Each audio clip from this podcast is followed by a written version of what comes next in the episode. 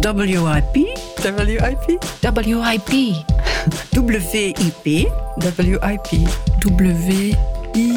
WIP, WIP. WIP. WIP, WIP. WIP. WIP. WIP. Web. WIP. Je luistert naar een podcast van de Vrouwenraad. Welkom bij WIP, een podcast over feminisme die staat voor Woman is Present, geleend van artiste Marina Abramovic. Dat feminisme begrijpen we intersectioneel. We gaan voorbij de buzzwords, voorbij de hypes en duiken met telkens drie experten in actuele vraagstukken. Waar slagen we? Waar falen we? Van waar komen we? En hoe moet het verder? WIP staat daarom ook voor Work in Progress, omdat intersectioneel feminisme over processen gaat. Het werk nooit voltooid is, het verhaal nooit af. Mijn naam is Yusra Benfki. Zij, haar. Ik ben dokter in de rechten, schrijfster en dichter, maar in de eerste plaats jullie host van dienst. Welkom. Fijn dat je hebt ingetuned. Vandaag hebben we het over ecofeminisme. En daarvoor heb ik prachtige sprekers aan mijn zijde. Shihiro Geuzenbroek, Filsan Osman en Nadia Haddad. Welkom Shihiro, Filsan, welkom en Nadia. Heel blij dat we jullie te gast mogen hebben. Kunnen we voor we beginnen misschien even een korte introductieronde doen, waarin jullie zelf even voorstellen aan de luisteraar? Want jullie doen alle drie geweldig en vooral geweldig belangrijk werk. Maar ik laat jullie dat liever zelf vertellen. Ja, ik ben Chihiro, uh, zij, haar. Um, maar het liefst eigenlijk zonder voornaamwoord word ik aangesproken als Chihiro. Omdat ik me niet helemaal in het construct van zij, haar herken. Um, ik werk aan het herstellen en hervertellen van relatie met de aarde en elkaar. En dat doe ik voornamelijk als activist en uh, ook als spreker en filmmaker en songwriter en spoken word artist. Um, en dat doe ik sinds 2009. Werk ik in de beweging voor klimaatrechtvaardigheid. En ik ben ook co-founder van uh, de stichting Arales. Dat is een decolonial stichting. Oké, okay, uh, en waar staat de naam voor? Uh, Arales komt van Armeens. Het is een soort van mythische hond-wolf figuur. Die de wonden likt van gevallen strijders. En waarin we dus ook ons werk zien als zowel activistisch als helend. Dank je, Chihiro. Um, Filsan, kan jij kort vertellen wie jij bent en wat jij doet? Ja, um, ik ben Filsan Osman, masterstudent Afrikaanse talen en culturen aan de Universiteit Gent. Daarnaast ben ik event- en productiemedewerker voor Black History Month België en een edit- en schrijfster voor de online feministische magazine Spijker Magazine. Ja, Spijker heb ik al veel coole dingen van zien passeren. Jullie bestaan ja. nu een jaar. Een jaar, een jaar. net onze vijfde editie um, uitgebracht. Proficiat. Dankjewel. En Nadia, uh, wil jij jezelf voorstellen alsjeblieft? Ja, dus ik ben Nadia Haddad. Ik ben rolstoelgebruikster. Vandaag exact 18 jaar geleden heb ik mijn nek gebroken in Senegal en ben ik gerepatrieerd geweest. En dus um, ik ben um, ingenieur van opleiding in ontwerptechnieken, elektromechanica. En ik werk nu vooral rond uh, alles rond water resource engineering deeltijds. Mijn andere deeltijds ben ik mensenrechtenactivist rond inclusie, zowel voor vrouwen als personen met een handicap, als inclusie binnen de ontwikkelingssamenwerking. Je was ook verbonden aan een Europees uh, netwerk? Ja, dat klopt. Dus ik ben uh, co-voorzitter van ENIL, de European Network on Independent Living. En daarvoor een, uh, die rol vertegenwoordig ik hun in de European Disability Forum. En zijn we gelinkt aan ANET. Dat is het academisch netwerk van Expert on Disability. Oké. Ook heel knap allemaal. Uh, ik denk dat de luisteraar thuis al meteen begrijpt waarom we deze drie mooie mensen hebben uitgenodigd. Maar het gaat dus over ecofeminisme vandaag. Er zijn heel veel definities, uiteenlopende definities ook wel van ecofeminisme. Daarom zou ik heel graag horen wat die term voor jullie persoonlijk betekent. Ja, um, voor mij is het iets relationeel. Dus um, het gaat eigenlijk over um, kijken naar de relatie, naar de relatie waarop tussen um, de manier waarop uh, mensen van gemarginaliseerde achtergronden onderdrukt worden door uh, inherent koloniale structuren en de manier waarop diezelfde structuren uh, omgaan met de natuur en de aarde en alles wat hij te bieden heeft. Dus die relatie blootleggen um, is vooral wat ecofeminisme voor mij betekent. Lijkt mij heel belangrijk, relaties blootleggen. Nadia, is dat iets waar jij uh, jouw begrip van ecofeminisme op kan aansluiten? Um, ja, in zekere zin. Voor mij is het eigenlijk meer een beweging die heel transversaal te werk gaat om een evenwicht te creëren rond het respecteren van menswaardigheid, zowel voor vrouwen met, met een handicap als vrouwen in het algemeen. En dit allemaal binnen een milieuvriendelijke context. Laten we het zo ja. zacht vernoemen. Um, Chihiro, um, is jouw notie, leunt die daarbij aan of zie je het uh, anders? Ik denk dat het nog steeds iets in, in, in wording is van hoe ik het ervaar. Ik heb het in eerste instantie leren kennen via, uh, je hebt verschillende takken, dus meer de spirituele en de meer materialistische, ecofeministische tak. En ik heb in eerste instantie de meer spirituele tak leren kennen van Starhawk en Joanna Macy. Materieel, spiritueel, wat is het voornaamste verschil tussen die twee? Ja, um, bij, het, uh, bij allebei kijken we eigenlijk naar hoe um, ja, sociale verandering uh, uh, teweeggebracht kan worden die de natuur en al degene die als natuur wordt bestempeld uh, en behandeld zijn te bevrijden van onderdrukking uh, en uitbuiting. Um, maar bij het spirituele ja, richt het ook wel meer op uh, um, ja, de, het, het, het vrouw zijn, uh, het vrouw zijn als natuur ook, het dichtstaan bij natuur. Terwijl het materiële ook veel meer uh, kijkt naar de politieke, economische en wat meer marxistische okay. uh, um, veranderingsslag. Um, en ik denk wat, wat voor mij wel heel belangrijk is, is dat ehm, deze ecofeministische stroming dus niet antropocentrisch is. Dus dat het een, een meerdere soorten eigenlijk wil uh, tot bloei laten komen. En dat die bevrijdingsstrijd eentje is die zowel vrouwen als andere soorten um, um, ja, tot bloei brengt. En daardoor dus, ja, wat is gelijke loon op een verbrande wereld? Ja, inderdaad. Oké, okay, dus weg van het, uh, het human centrism, weg van de focus op alleen. Uh, begrijp ik dat goed? Ja. Oké. Okay. Um, nu, ik zie ecofeminisme sinds kort toch wel meer opduiken hier en daar. Misschien is het te groot om het al trending te noemen, maar het lijkt toch die kant op te gaan. Kunnen jullie daar misschien wat meer over vertellen? Over hoe dat concept of waar dat eigenlijk is ontstaan en hoe dat zich dan verder heeft ontwikkeld? Ja, ik kan er wel iets over zeggen. Um, zoals ik het heb begrepen, is de term gecoined, of ja, een soort van geïntroduceerd door Françoise Daubon, een Franse feministe in de zeventiger jaren. En uh, heeft het ook ja, zijn aansluiting gevonden bij feminisme, um, uh, vredesbeweging. Um, maar ja, naast die westerse stroming, die best wel ook door witte vrouwen um, ja, um, gedomineerd wordt, of in ieder geval gebezigd wordt, uh, is er ook een stroming in India. Uh, Vandana Shiva is daarvan de meest prominente vrouw, maar eigenlijk ook al de Chipko-beweging in um, de zeventiger jaren.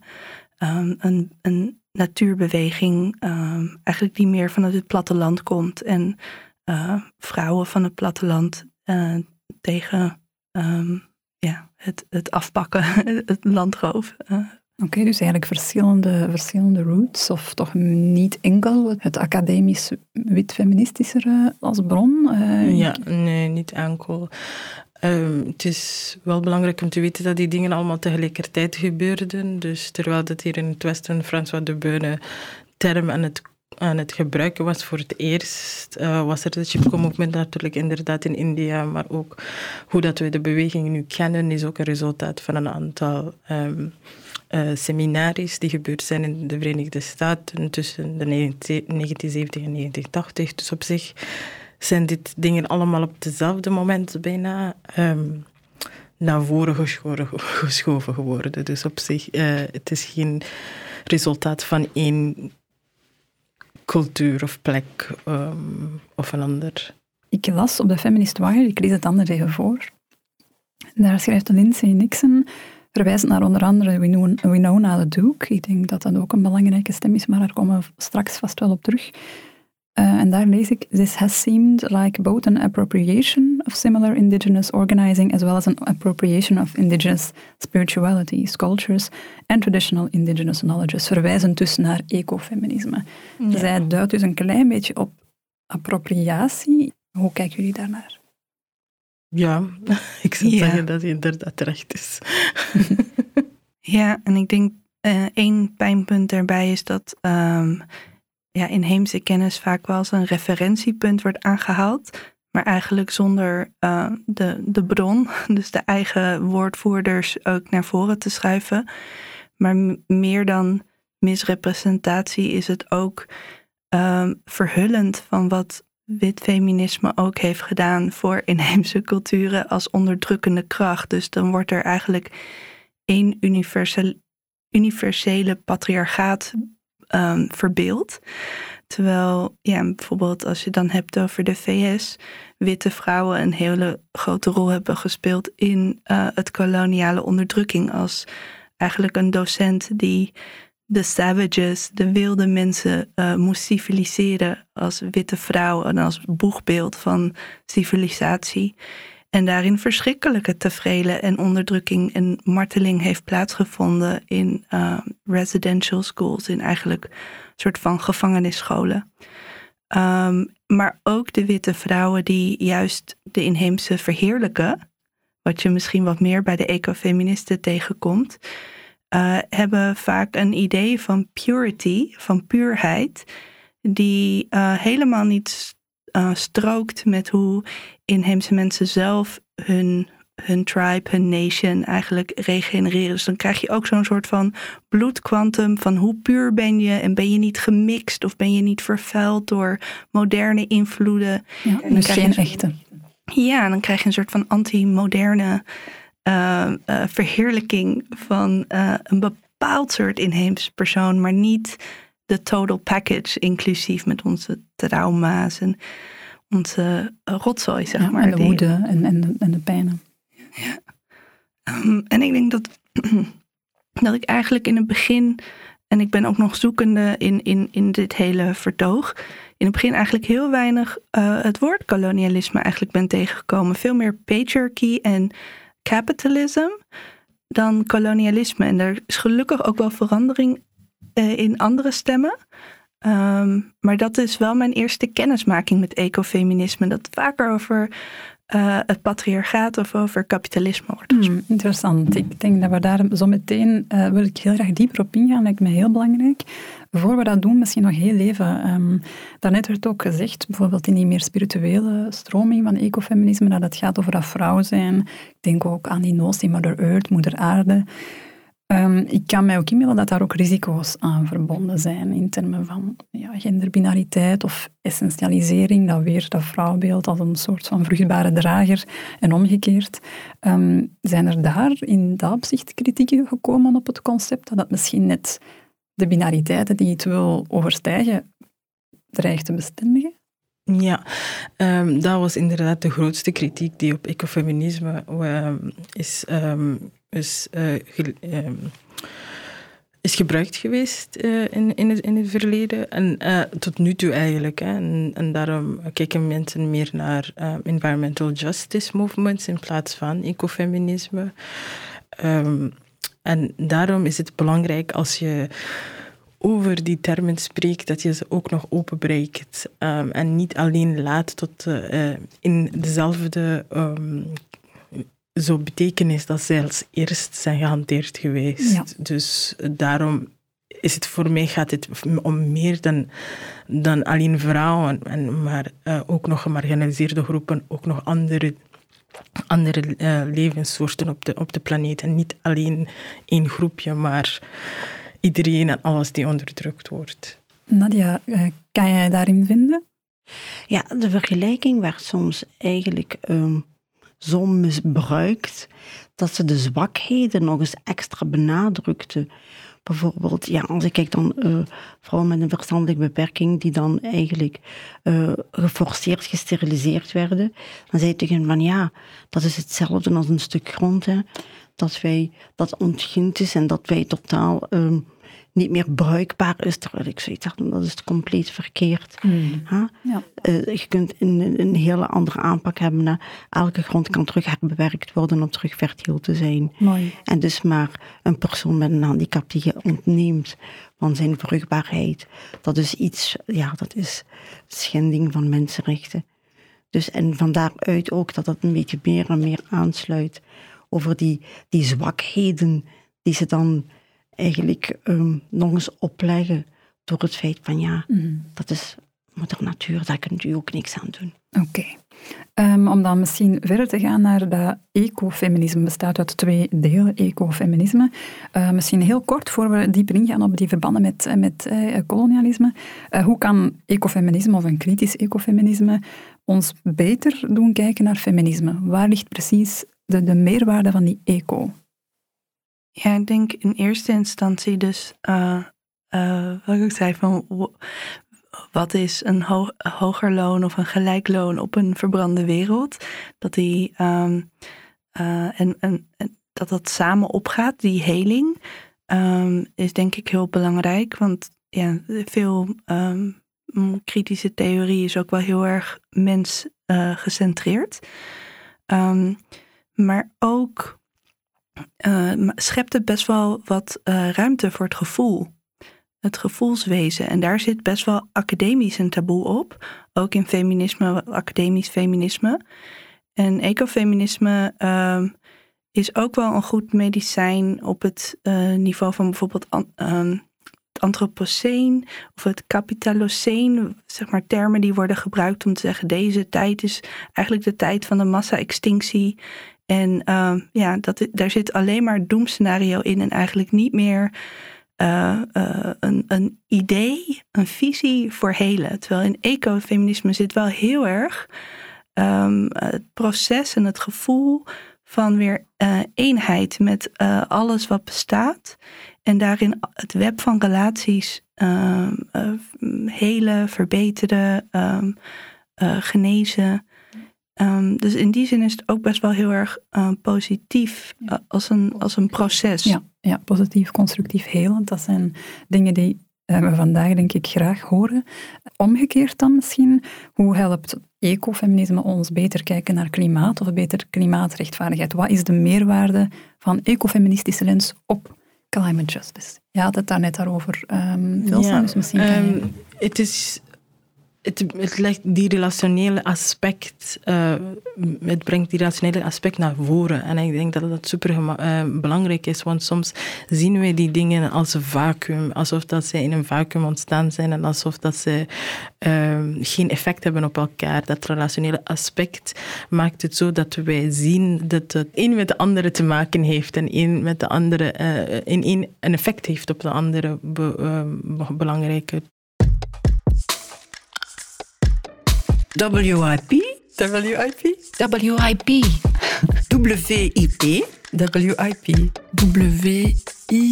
WIP. WIP.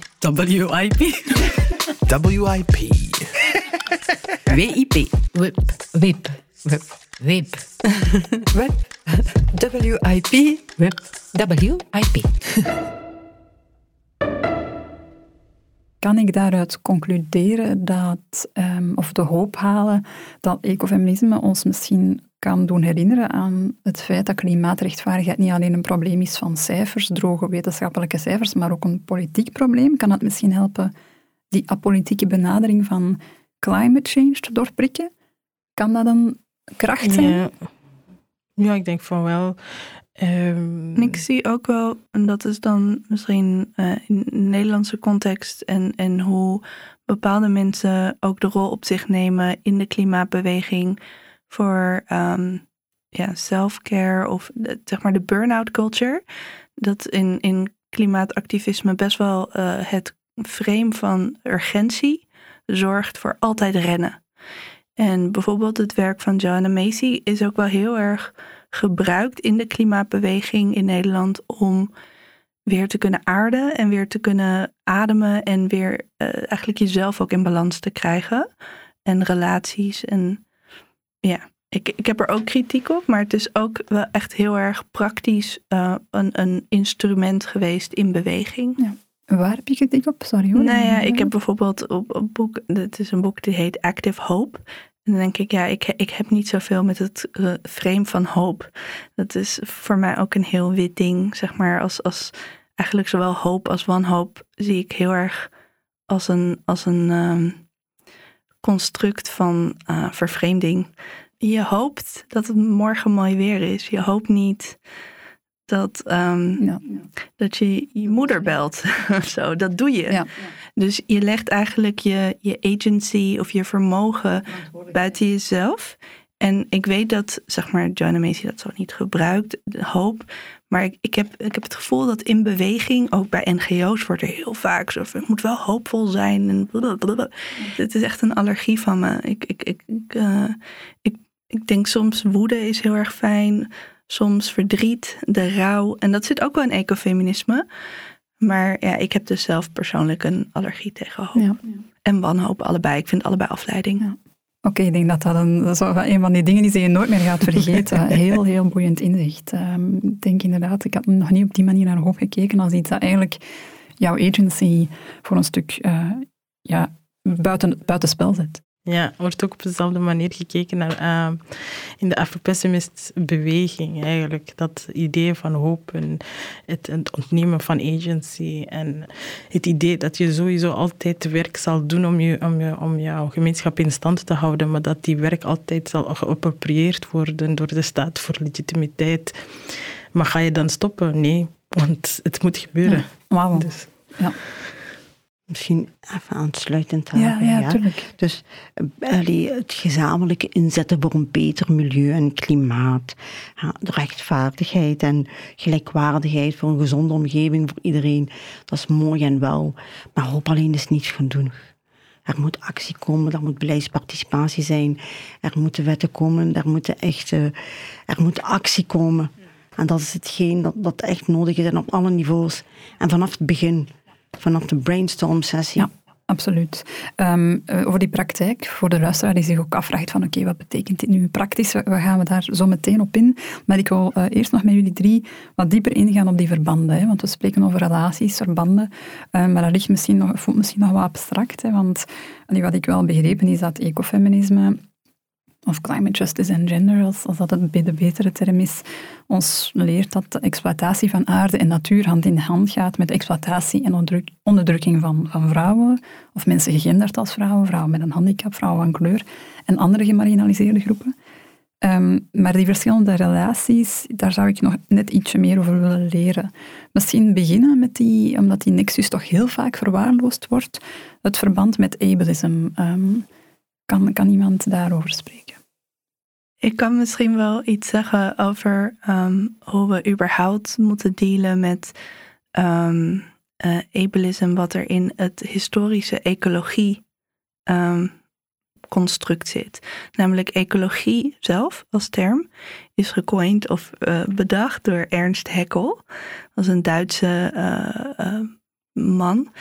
En die was bijzonder ableist. Die vond namelijk dat mensen met een uh, handicap of een, een andere uh, ability um, niet verdienden om te bestaan. Hetzelfde als mensen van andere rassen. Dus hij was zowel heel racistisch als heel erg um, ja, ableist. ableist. Um, en ik heb daar ook een artikel over geschreven over ecofascisme. Um, en het is iets wat in de natuurbeweging eigenlijk heel weinig mee wordt ge, uh, uh, geconfronteerd.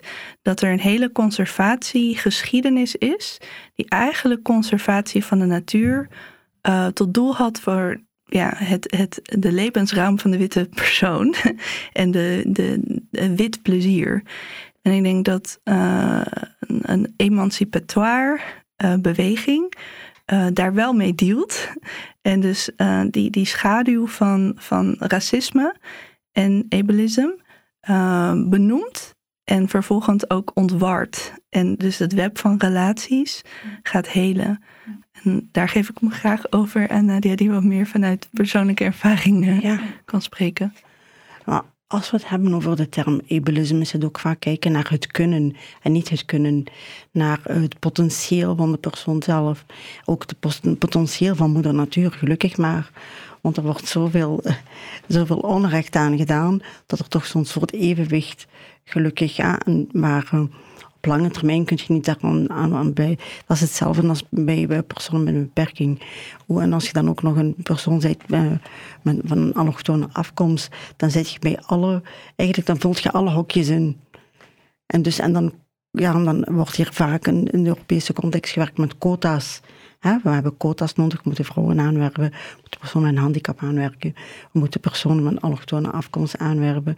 Dan ook nog zo van, allee, het enigste hokje dat ik dat misschien niet vul is, ik ben hetero. Want dan was het alles all in one, zou het dan zijn.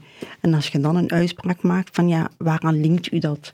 Welke van uw achtergronden wordt daaraan vastgewandeld? Dat is dus gewoon een absurde allee, opzet die eh, opgelegd wordt eigenlijk hier in- in de huidige context.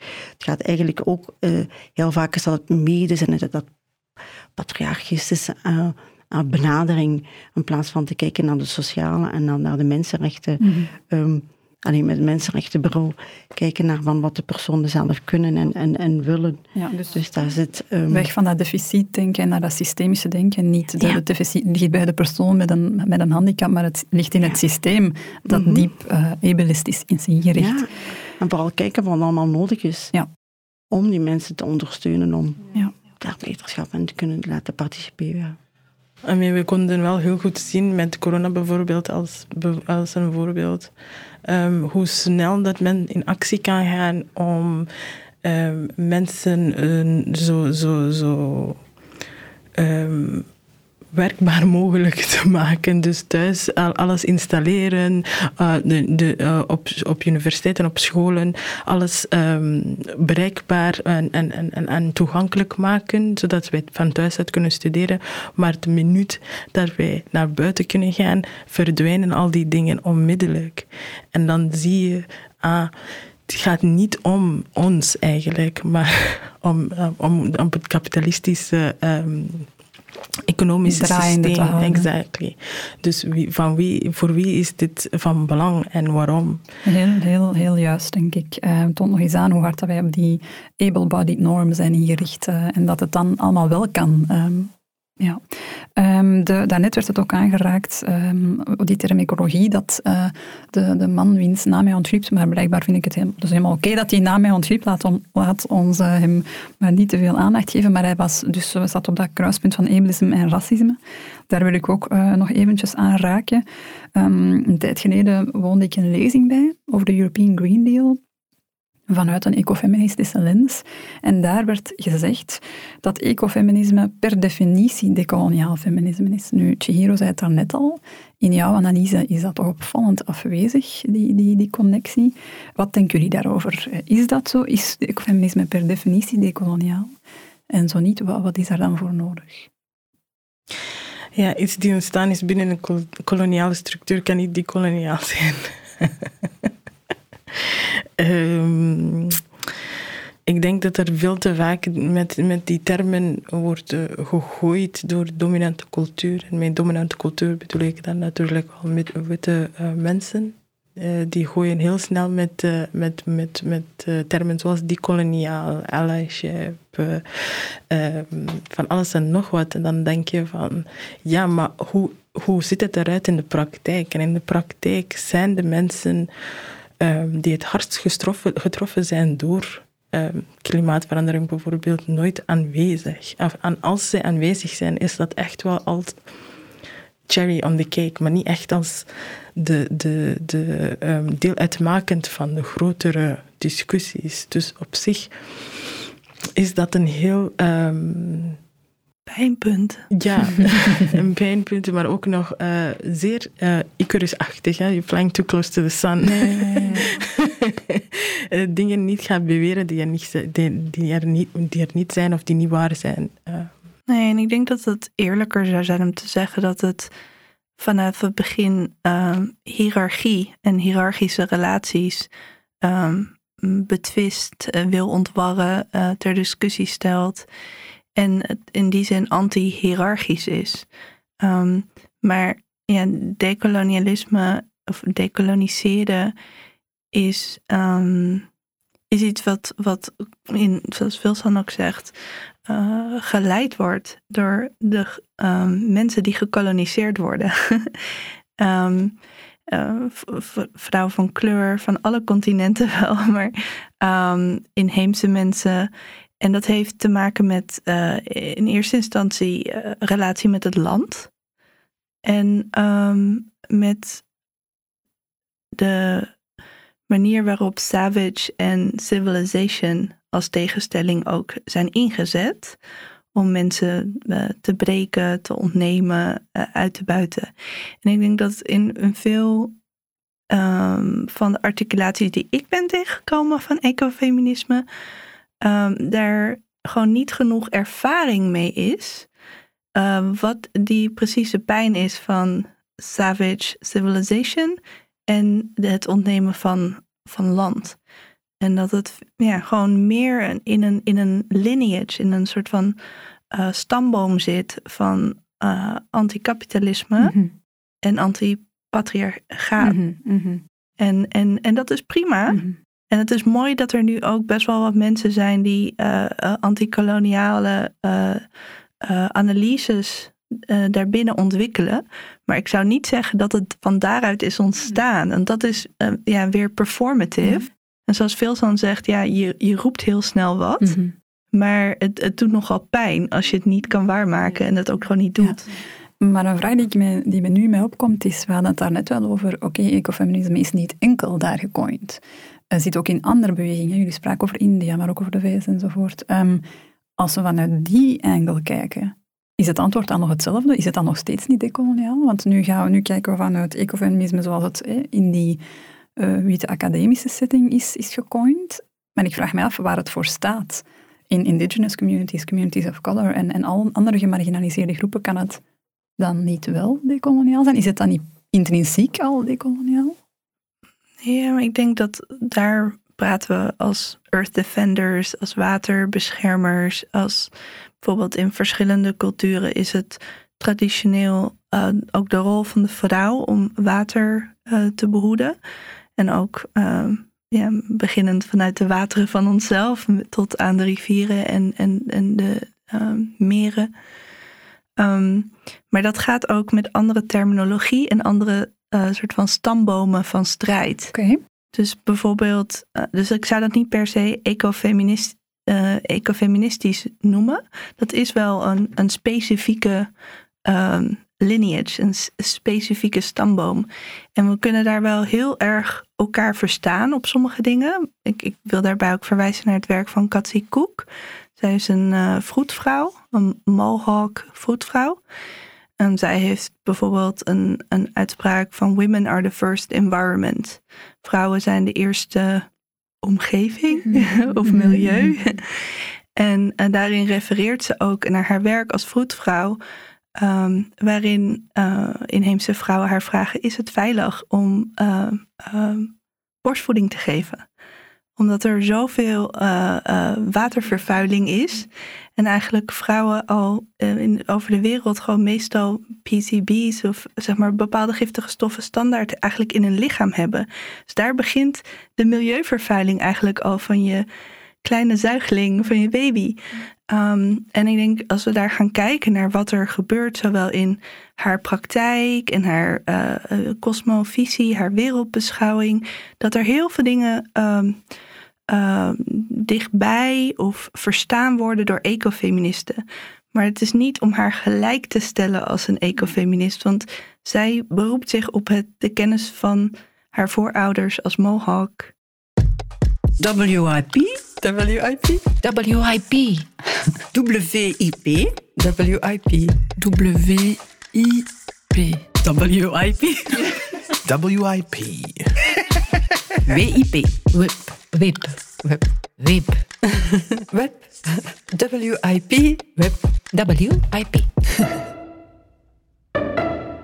Ehm, ik wou nog eventjes ingaan op de relatie tot racisme, maar ik denk dat we dat eigenlijk voor een stuk al, al behandeld hebben, tenzij dat er nog iets gezegd uh, Nadia, wil jij daar misschien iets over zeggen?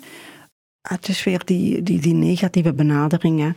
Van ja, maar in jullie cultuur is het heel normaal. Allee, in Latijns-Amerika, die vrouwen zijn daar opgekomen voor stukken grond dat ontgind werd, dat die ontbossingen. Uh, vooral omdat dat was hun, hun dagelijks brood. Hè. Ze werkten daar, ze deden daar. Uh, allee, en dan wordt, wordt dat stuk grond geplunderd, meestal ook door uh, de kolonisator. Hè, door, het waren witte eigenaars van die gronden of deals die ze met hun overheden hadden. En dan werd er dan tegen hun gezegd van ja, maar in jullie cultuur is dat heel normaal. En, dan, en vooral jullie vrouwen. Nog eens een, een, een extra benadrukking daarop. Hè. Mm -hmm. uh, we gaan jullie wel iets anders leren. En dan komen er ineens uh, af die dan workshops komen geven. Totaal niet op aanvraag van mm -hmm. de, de, lokale allee, vrouwenbevolking. Dat je soms zoiets hebt van, ja, mm -hmm. wij weten beter voor jullie. Er is ook een reden waarom dat andere soorten bewegingen bestaan. Uh, omdat, omdat de, de, de mainstream beweging niet iedereen, niet iedereen dient. Dat is de bedoeling. Um, die zijn ook zo gemaakt. en zo de mainstream feminisme beweging bijvoorbeeld dient niemand anders dan uh, witte vrouwen. Zo. En, en dus heb je bijvoorbeeld in, in, de zwarte gemeenschap alle soorten andere feminismes, uh, zoals uh, Af Afrikaner womanism, womanism, black lesbian feminism. Dit zijn allemaal stromingen die proberen de geheelheid van het behoren tot een bepaalde community aan te kaarten en de specifieke problemen die daarmee gepaard gaan. Um, ook mooi om te onthouden dat de mainstream-beweging er eigenlijk ja, uh, voor de mainstream ook is en niet voor iemand anders. Um.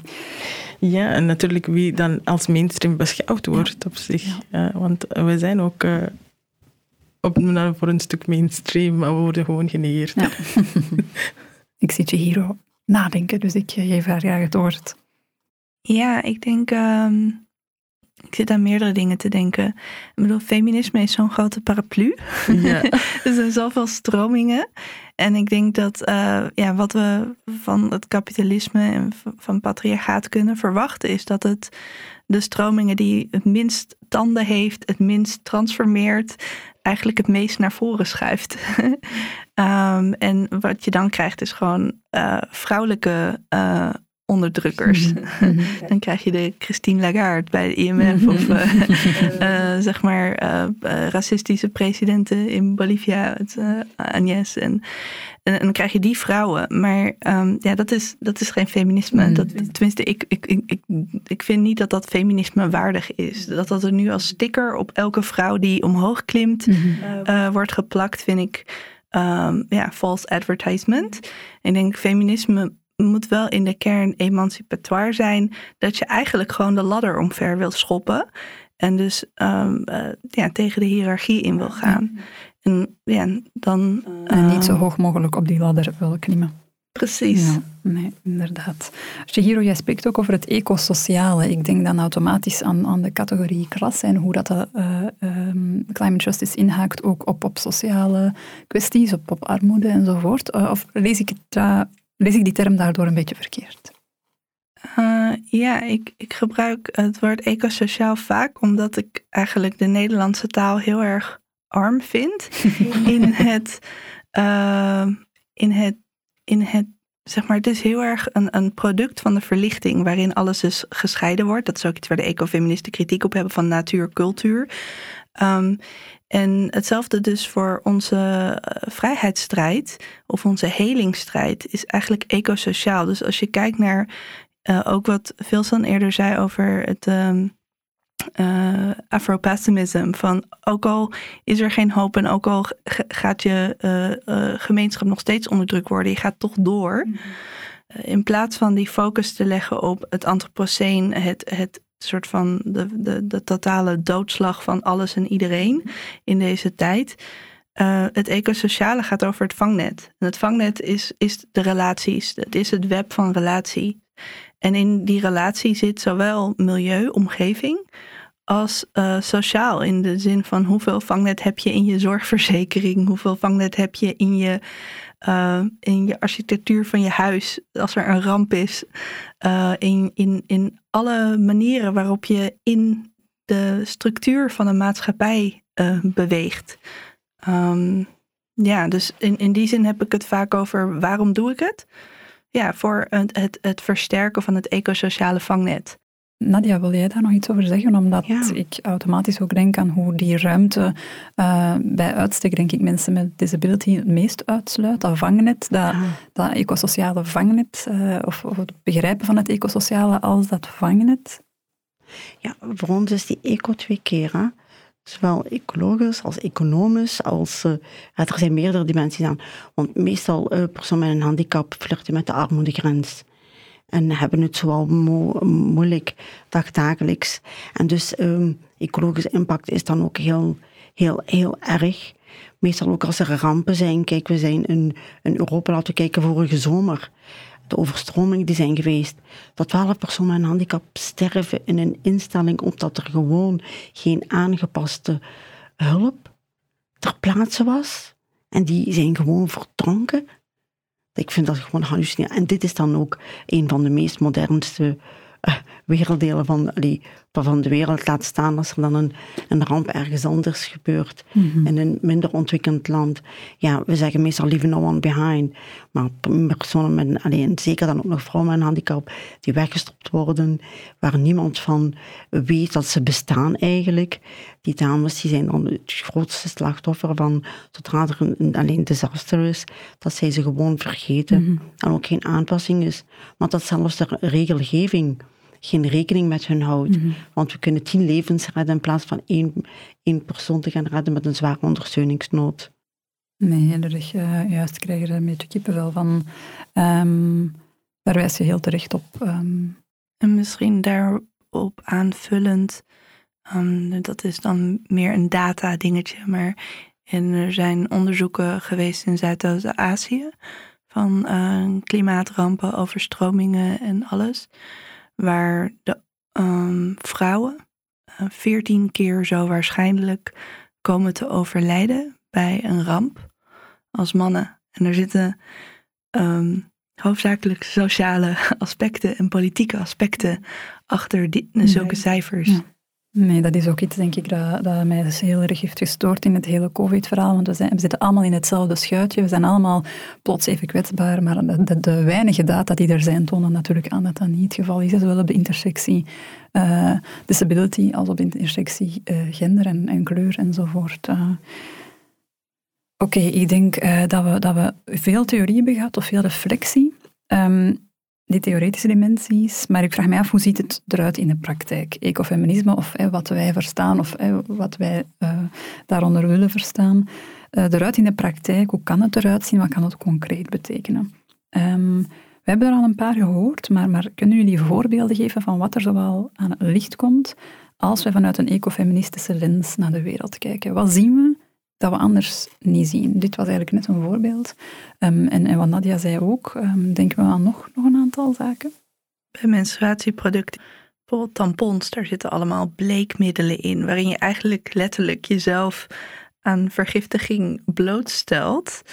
Um, en tegelijkertijd ook uh, menstruatiebloed wordt gezien als vies en dat soort dingen in de marketing, terwijl het het uh, eigenlijk in heel veel culturen um, en gewoon biologisch super voedzaam is. Het is meest voedzame, daarom geef je het aan een baby of een, een, klein uh, foetus uh, wezentje. En wordt het menstruatie juist gebruikt om uh, planten te geven, dieren te geven, omdat het heel erg ook een goede fertilizer is. Um, dus nee, dat is al een ding van andere relatie met je lichaam, inderdaad op menstruatie waar het begint.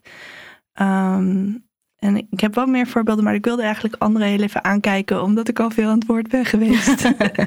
Je moet, ik probeer het wat te bewaken, maar, maar eh, voel het vooral zelf. Ja, zelfs met, de, met dat voorbeeld van de menstruatie moeten, kunnen we spreken over toegankelijkheid. Die producten zijn niet toegankelijk voor iedereen.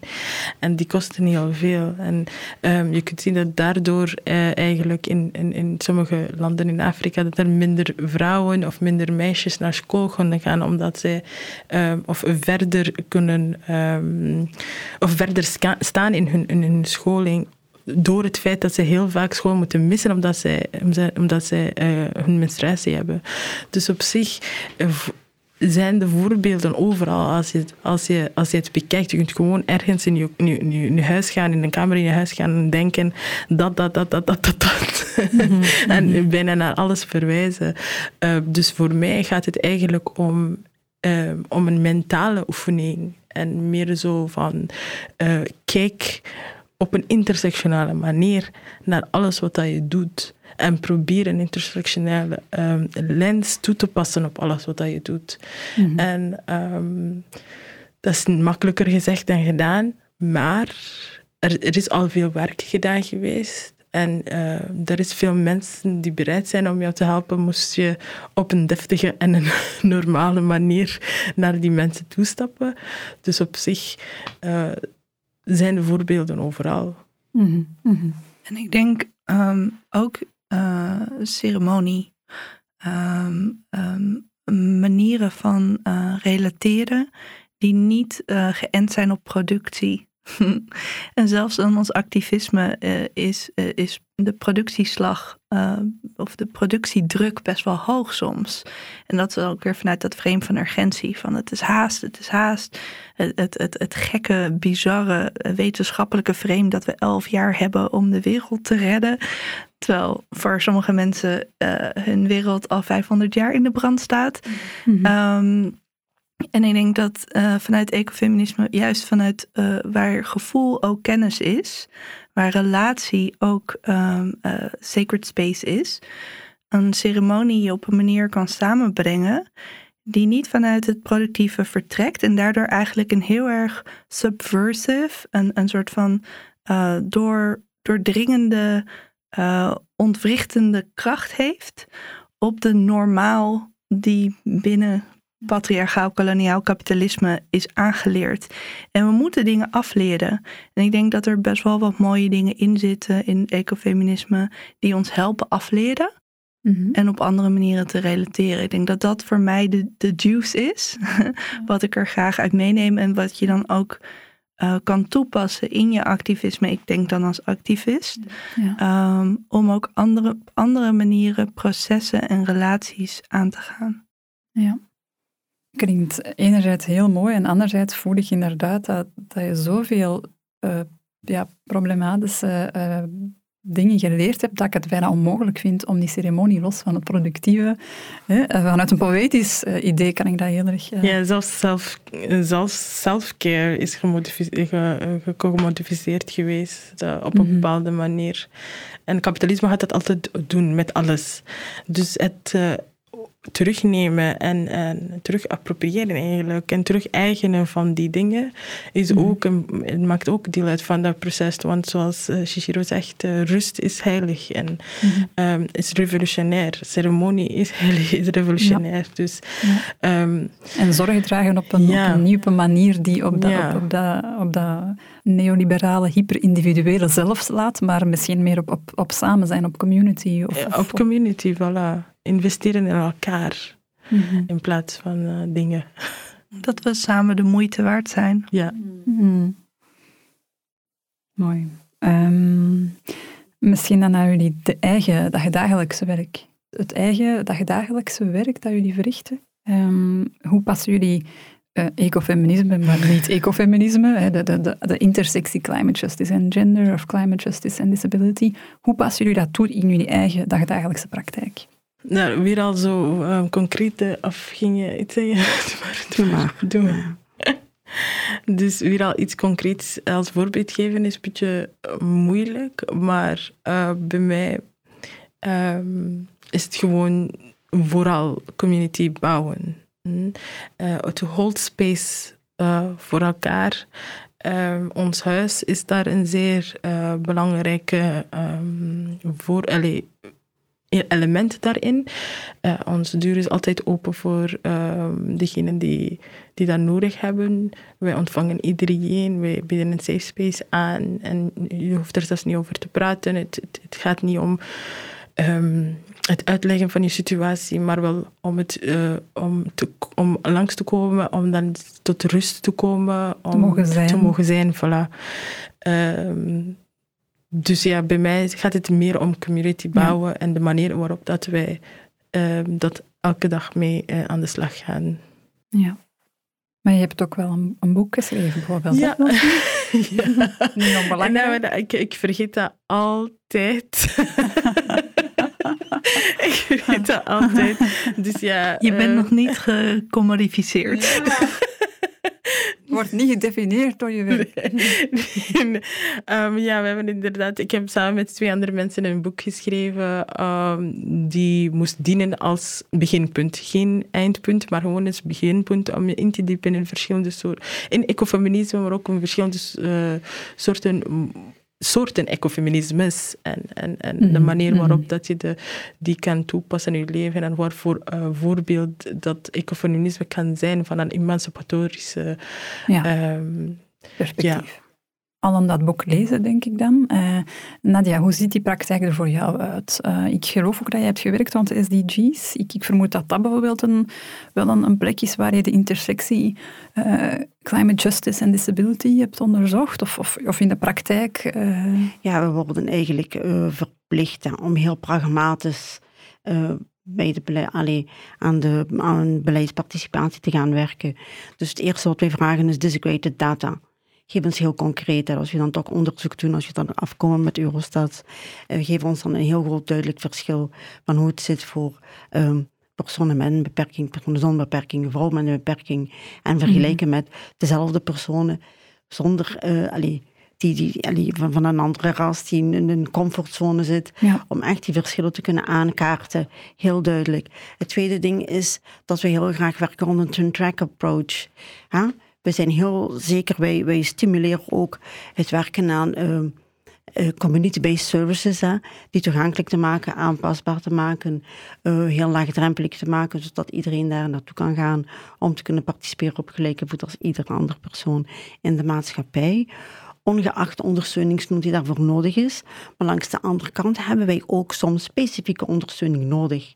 En dat kan niet mainstream, dat kan niet community-based zijn. Dat moet persoonsgebonden zijn om, om vooral, uh, ja, vooral een handicap te kunnen ondersteunen en te emanciperen, aan te leren van, er zijn mensen die niet kunnen beslissen, die in de wet hier heel makkelijk ineens up hun, hun beslissingsrecht wordt ontnomen. Terwijl we zijn echt voor supported decision making. Dat is iets wat nog altijd wettelijk ontbreekt. Er wordt Hmm. over het hoofd gezien. Heel snel krijgen ze dat iemand anders een bewindvoerder die levenslang voor hun beslissingen neemt. Van hoe kun je die persoon dan laten meedenken aan een, eco, een, allee, aan een, een, een feministische, een ecofeministische aanpak. Dus dat is heel moeilijk. Mhm. Dus er zijn heel wat zaken die concreet in de wetgeving aangepast moeten worden. Als we dan spreken over de SDG's, dan hebben we soms van, ja, yeah, but we need to take with us the most vulnerables. Ja, the most vulnerables. You need to have also something to give to them. Allee, we zitten eigenlijk in een... Je kunt die personen enkel meenemen als ze zien wat ze daaraan wat de meerwaarde voor hen is. Hun levenskwaliteit dat, dat verbetert. En dat is iets waar uh, je, je kunt ook... Allee, je moet werken aan een, een sensibiliserende... Uh, alleen een sensibiliserende actie. Niet alleen maar voor het grote publiek, maar ook eigenlijk voor eigen doelpubliek. En om ze dan mee te krijgen op, de beleidsmakers moeten daar ook voor openstaan. Als ze mm. zeggen beleidsparticipatie, dat is goed en wel, maar op één voorwaarde. Mensen moeten geïnformeerd worden met al het nodige wat daarvoor mm. staat. Mm-hmm. En ook mm-hmm. meedoen vanaf het begin. En het is niet ja. alleen maar, we gaan even jullie mening vragen over iets helemaal op het einde van het proces. Nee, nee dat is die drawing board. Ja. Nee, ja. ja. Um, Chihiro, hoe ziet, dat, hoe ziet jouw praktijk eruit? Mm. Ja, ik denk dat dat terugkomt op het uh, relationele. Ehm, en dus dat de klimaatcrisis niet een crisis is van wetenschap of een crisis is van ehm, eh, het nog niet begrijpen.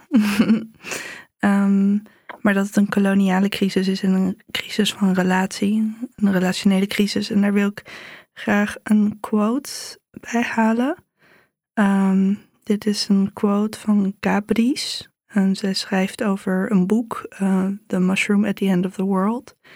It appears that the end of the world is less a scene of the planet as an apocalyptic fireball and more an encounter with the relations that we have ignored, overlooked, or even ruined. En um, ja, ik denk vanuit mijn werk als missie het herstellen en hervertellen van onze relatie met aarde en elkaar. Um, dat de meerwaarde van ecofeminisme vooral zit in uh, het valideren van relationeel werk. en Mhm. dus dat ook binnen activisme of NGO-werk. De, de, de neiging is gewoon heel erg op het, het, het um, performatieve, het productieve, het blockbuster-activisme van de grote acties die de krantenkoppen binnenhalen. En weinig zorg is voor echt de wortels van relaties voeden met ik zou niet zeggen kwetsbare groepen, maar kwetsbaar gemaakte groepen. Ja. En, en daar dus um, ja, het relationele werk doen. En dat, dat is wat ik meeneem daarvan. Ja, heel erg mooi, ook prachtig quote. Um, nu is dat misschien net de vraag die, die, die, die niet klopt, maar ik vraag mij wel af, is daar een rol in voor het beleid? Wat kan de rol van beleid zijn in het faciliteren van, van dat verhaal? De eerste associatie die ik heb is eigenlijk wetgeving. Want op dit moment is de wetgeving aan de kant van de massavernietigers. Dus de ecocidewet is er nog steeds niet. Een wet die structurele vernietiging van landschappen ook als uh, misdadig uh, um, kwalificeert. En ik denk dat de, daar eigenlijk een hele grote slag te slaan is in hoe we überhaupt een moreel kompas, wat de wet uiteindelijk is van een maatschappij, uh, herstructureren. Zodat uh, onderdrukking uh, van racisme, seksisme, ableism tot ecocide en genocide strafbaar is in plaats van de norm. Ja. Uh, ik lach maar eigenlijk is het om van te huilen. Um, maar inderdaad. Um... In het boek hebben wij dus uh, heel veel, zeker in het tweede uh, deel van het boek, voor wie willen we zorgen, ecofeminisme als inspiratiebron, um, aantal voorbeelden gegeven van hoe dat eigenlijk de wet van dienst kan zijn. Oké. Okay. Um, maar op zich, zoals uh, Gigi net zegt, dat, dat, dat, dat die, more, die morele uh, aspect is een zeer belangrijke. Um, en we hadden zo een quote uh, in, in het boek van Carol Gilligan, als ik het mm -hmm. even mag lezen.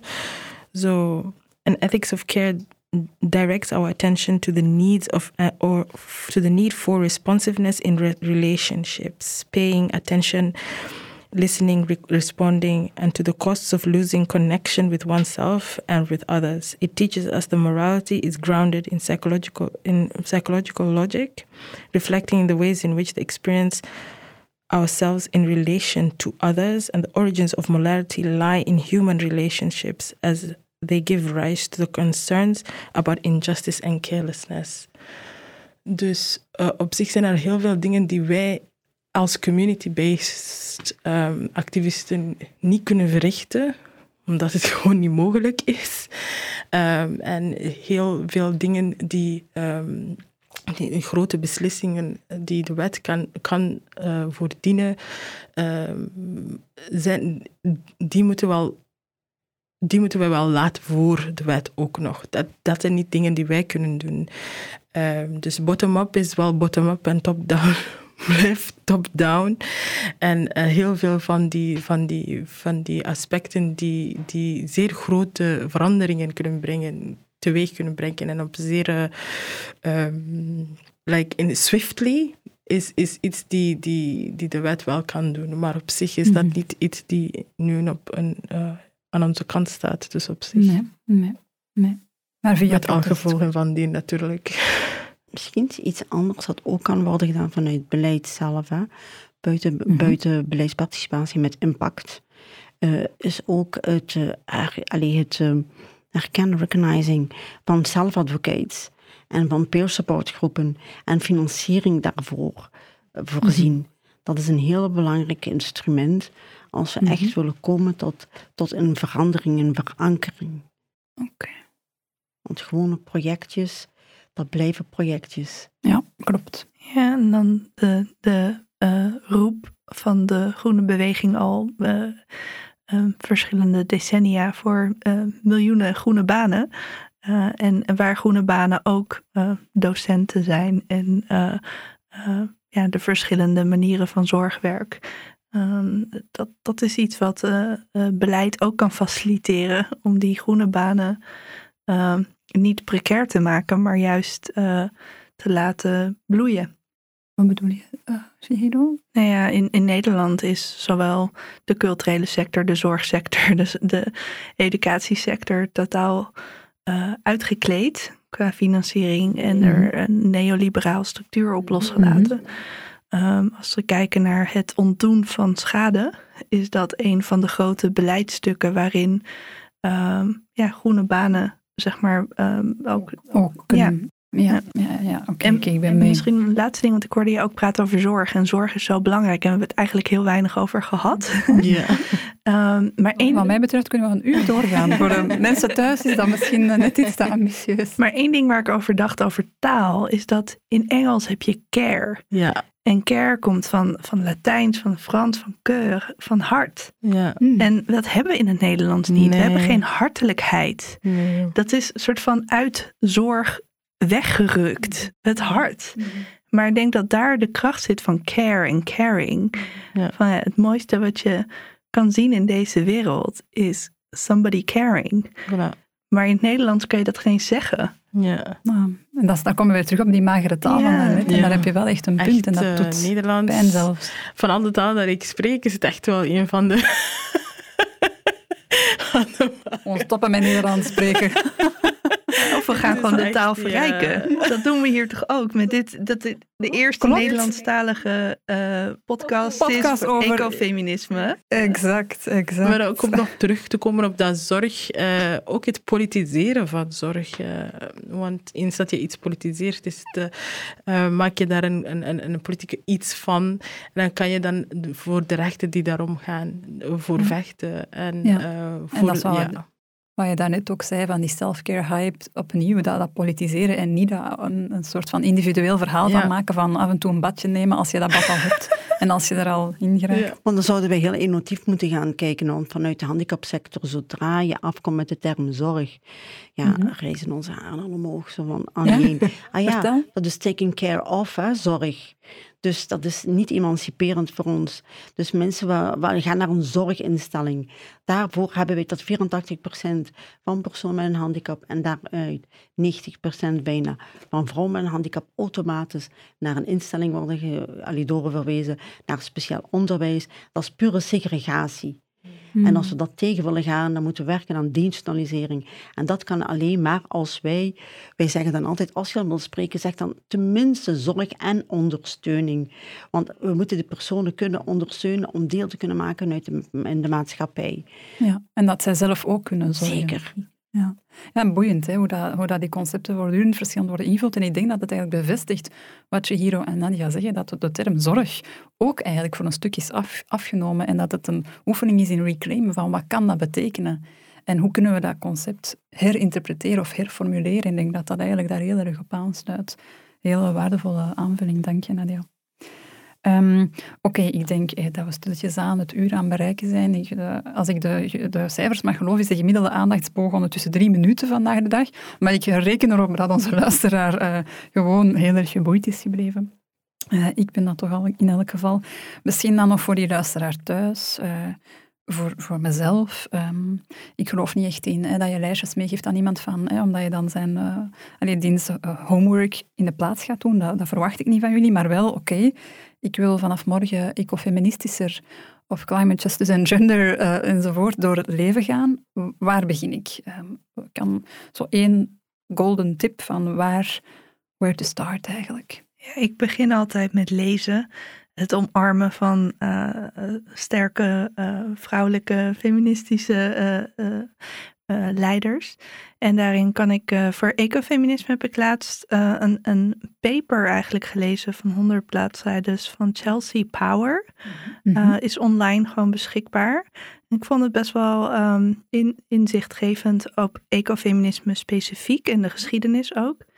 Ehm, om wat meer kritische notes ook over wit feminisme kan ik Red Pedagogy aanraden van Sandy Grandy. Ehm, dat is een boek waarin eigenlijk gekeken wordt naar verschillende emancipatoire eh, academische stromingen. Eh, maar dan vanuit een inheemse lens. En waar schuurt het ook en waar, waar, waar wrikt het? Ehm, en nou ja, eerder werd ze ook genoemd, Winona LeDuc is een grote inspiratiebron van me. Eh, ze heeft meerdere boeken geschreven. Ze was ook eh, eh, vi- Ik ontdekte haar ook via jou. Ah, nice. Ja. All Our Relations is een beetje mijn, mijn bijbel, zeg maar, dus qua boek. Maar ze heeft veel boeken geschreven. En ook als je eh, niet veel geld hebt voor boeken, kan je ook gewoon talks van haar online kijken op YouTube. Super, dus, de, dus eh Chihiro zegt lezen en ik denk dat ze daar heel erg gelijk in heeft. Ik hoor zeker ook graag nog de leestips van, van jullie, Nadia en Filsan. Maar misschien ook die, wat, wat is zo, wa- waar, waar starten we? Wat, wat, kan, wat kan ik vanaf morgen of straks als ik naar huis ga Eh, beginnen ja, doen? Ik, word, eh, ik, ik krijg die vraag heel veel.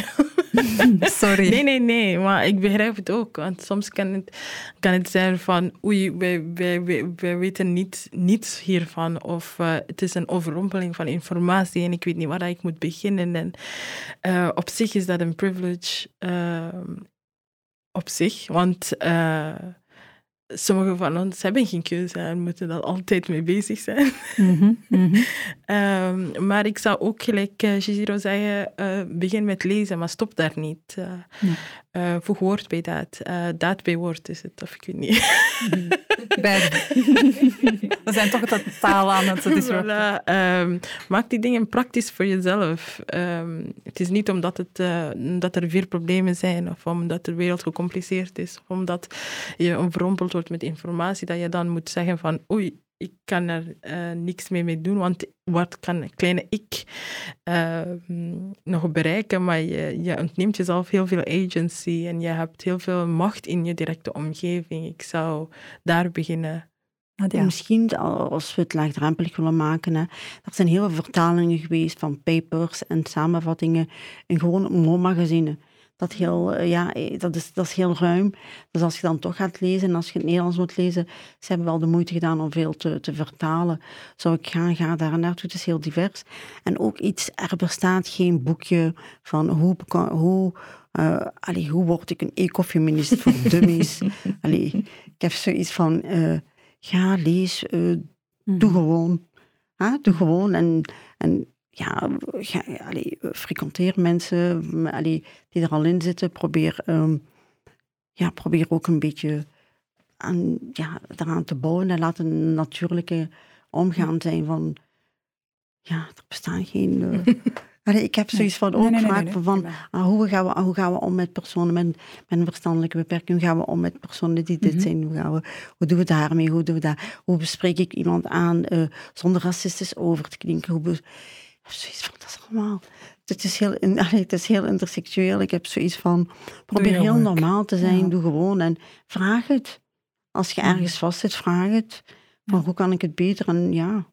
Ja, hoe kan ik het beter? Ik denk dat dat, uh, dat dat de vraag is die we altijd voor ons moeten hebben. Misschien nog een laatste persoonlijke vraag, omdat die mij ook na aan het hart ligt. Uh, het hart, um, om terug op caring te komen. Uh, is um, uitputting of exhaustion en daartegenover energie. Uh, levenskracht. Uh, waar, halen, waar halen jullie persoonlijk de energie om te blijven doorgaan, te blijven doorzetten, in te zetten? Dat vind ik wel belangrijk, omdat er altijd van wordt van uitgegaan dat het een soort van onvermoeibaarheid en uh, we moeten voortdurend inzetbaar zijn. Maar waar laat je je aan op? Of aan wie? ja, zoals ik al eerder zei, vanuit mijn, mijn community. Dus mm-hmm. ik steek er heel veel in, maar ik krijg er ook wel heel veel van. Het is uh, mm-hmm. wederzijds uh, ja. de relatie dat wij proberen opbouwen met elkaar, netwerken mm-hmm. proberen opbouwen met elkaar. Um, uit je bobbel komen en echt wel Ja. in contact komen met iemand, met, de, met de andere mensen. En zo een home place proberen Ja. bouwen overal dat je gaat, zodat je no nergens depleted voelt. Maar dat depletion, dat is een normaal gevoel. Dat is een gevoel die sowieso samengaat soms met het, eh, met het werk. Maar het is ook werk dat wij, zoals Chichiro al zei, Mhm. bijna 500 jaar aan het voeren Mhm. zijn. Dus op zich Mhm. ehm, is er een bepaalde idee dat je misschien niet zal genieten van, van, van de vruchten van je werk. Mhm. Ehm, en dat is ook oké. Eh, Mhm. Je blijft het gewoon doen omdat je wilt je community in stand houden. En, eh, Ja. ehm, en daar haal je je kracht uit. Ja, voor mij is het, ehm, mijn, ik denk, als ik heel eerlijk ben, mijn boeddhistische beoefening, die me heel erg heeft geholpen om eigen bitterheid of eigen eh, eh, neiging tot opgeven te overwinnen. Mhm. En dat komt eh, hoofdzakelijk door te werken aan je gewoontes. Mhm. En zeg maar, je, je, je gezondheid kan afgenomen worden, je rijkdom, je privileges. Maar waar je mee behept bent tot je laatste adem, is je gewoontes. Daar ben, je, en daar ben jij verantwoordelijk voor. Dus ik denk dat ehm, daar ja, best wel lang heel veel aandacht in te stoppen en me bewust te worden van mijn eigen gewoontes en waar ik de neiging heb tot opgeven of de neiging heb tot bitterheid. Ehm, ja, me heel erg helpt in mijn activistische pad om vanuit, eh, ja, vanuit goede relaties en wederkerigheid eh, Mhm. te kunnen opstaan als ik val. Mhm, mhm. Heel mooi. Is dat dan via de weg van meditatie of, of begrijp ik het nu te doen? Ehm, ja, ik, ik ben dan Nichiren de Shonin Boeddhist. Dat is een, een podcast op zich. Oké. Volgende, volgende podcast. Ja, ja maar, maar heel mooi en heel boeiend. En Nadia, wat is, eh, waar vind jij de energie om steeds weer door te gaan? Soms uit frustratie van het feit dat zaken zo traag veranderen en dat mensen compleet zaken anders begrijpen dan hetgeen, eh allee, hetgeen het echt eh, inhoud is. Maar dan heb ik langs de andere kant van, ehm, ik, ja, ik heb soms zoiets van, allee, ik ben niet degene die de wereld gaat veranderen, hè, maar ik voel me soms ook zoiets van dat een plicht is. Er zijn zoveel vrouwen met, allee, met, met, met een handicap die niet kunnen spreken, die niet geschoold zijn, die niet zichtbaar zijn, die niet de gelegenheid hebben die ik wel heb. En dan heb ik zoiets van, als ik dan met hun in contact kom, ik weet nog een, een, een vorming rond de SDG's en, en, en alleen in India, dat die dame tegen, zei, tegen mij zei in het Hindi en via, via tolk, kom alsjeblieft gewoon mee dat de, dat, dat de lokale politiek kan zien dat een vrouw gewoon in een rolstoel ook eh, docent kan zijn en ook les kan geven en ook verandering kan vragen en ook eh, aan politiek kan doen, want mij geloven ze niet. Ik, ik werd meegenomen als een klein kind, eigenlijk gewoon ter illustratie bijna, voor volgende foto. En die dame was daarna zo blij en ik had zoiets van, ik heb niet eens moeten spreken. Gewoon soms ergens zijn Ja. kan een hele grote impact hebben en verandering. En daarna was ze heel blij, want zij heeft eindelijk een erkenning gekregen dat het stuk grond van haar was. Ja. En niet van haar broers en niet van andere mensen. Dat zijn soms die hele kleine dingen die ons triggeren en die ons genoeg energie geven voor soms een jaar verder te doen.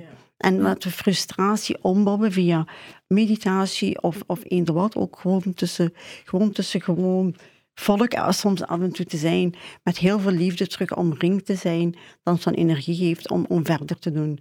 Want Ja. anders, ja. En dus de, de basis eh, geloof eh, versterken dat we de moeite waard zijn.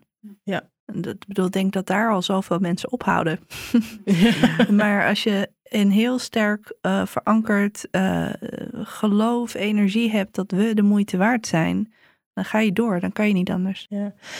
Ik vind dat zo. eh, Toen, toen, toen, Shishiro zei dat ze het uit het boeddhi- boeddhisme haalt, eh, dat je ehm, jouw ehm, energie daaruit haalt. Ik, eh, ik ben moslima, van de mensen die het niet kunnen zien. En Helemaal vergeten. Helemaal vergeten. ik ben gesluierd, ik ga gesluierd door het leven.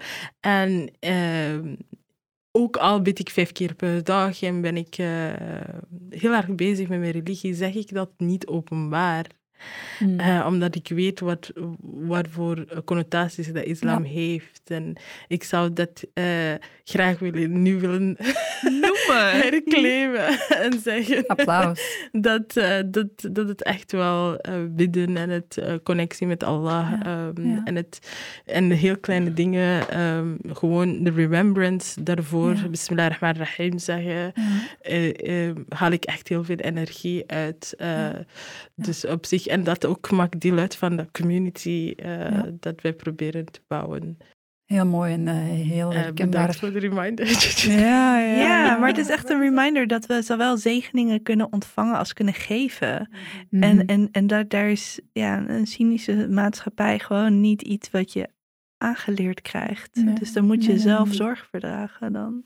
Ja, ja, en dat haakt dan weer in op eh, hoe, allee, hoe seculiere maatschappijen vaak ook hè, andere vormen van onderdrukking, maar dat is echt voor een Andere andere aflevering. Ik wou wel nog zeggen, heel herkenbaar. Ik vind het heel mooi, veel van wat je gezegd hebt, want eh, zelf ook eh, moslima en ik begrijp heel goed dat eh, heel veel geïnternaliseerd racisme maakt dat je dat eigenlijk niet makkelijk, even makkelijk in de mond neemt als eh, boeddhisme helpt mij. Maar ik vind het heel mooi en heel belangrijk dat je dat... eh, Ja, het is, ja, het, gaat, het is gewoon een harm reduction strategy. Je bent Ja. zo bang van wat dat er op u gaat afkomen als je dat zegt. En eh, voor, voor hijabis is dat een dubbel zoveel, want je, je zei al gesluierd en Ja. eh, er is een bepaalde retoriek aanwezig. En, eh, Ja. Maar ja, het Ja. reclamen van dat op dit moment Ja. was een heel goed gevoel. ja, Maar het is gewoon ook heel heel even, hè. het komt uit het feit van, ik wil me niet blijven verantwoorden. Dus ik noem dat gewoon meditatie. Maakt niet uit hoe.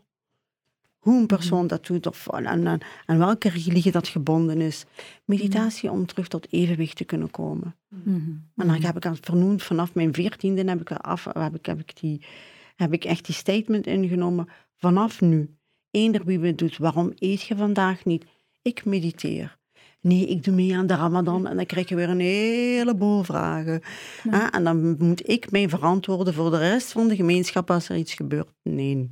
Maar misschien is Nee. de kracht ook om het niet te verstoppen. Ja, maar het is mediteren. Of je nu bidt, of op het een tapijtje is, of zittend, of hurkend. mhm, Maakt mhm. niet uit. Het gaat om je spiritueel in evenwicht te brengen met, het- met, met al het rest dat ons omgeeft. En dat brengt ons helemaal weer aan het begin. Dus ik denk dat dat een heel mooie eh, cirkel is die we gemaakt hebben. Misschien ietsje langer dan gepland, maar ik eh, reken erop dat de luisteraar dat ons eh heel vergeeft voor al het mooie dat er gezegd en gedeeld is. Ehm, veel leesplezier, ehm, maar ook voor, vooral veel, veel zijn-plezier, denk ik. Ik denk dat dat iets is wat ik meeneem vandaag. Eh, heel erg bedankt, Nadia Filsantri Hero, om eh, vandaag tot hier te komen, om erbij te zijn. Ehm, heel erg dank ook om, om te luisteren en heel graag eh, tot de volgende. WIP, WIP. WIP. WIP, WIP. WIP, WIP. WIP. WIP. Whip. Whip. Whip. Web. WIP. Whip. WIP. WIP staat naast voor Woman is Present and Work in Progress ook voor Women in Poetry. Wij sluiten de mooie afleveringen van deze podcast telkens af met nog mooiere woorden van niemand minder dan Sukaina Benani. Geniet ervan. WIP staat voor veel. Woman is present, woman in progress, maar in mijn geval woman in poetry. Ik ben Sukeina Benani, jullie huisdichter van dienst en voor deze aflevering rond ecofeminisme schreef ik het gedicht Eb en bloed. Soms zie ik door de bomen het bos niet meer. Of dan zie ik de bomen, maar geen bos. En soms kijk ik uit op uitzichtloze, droge meren.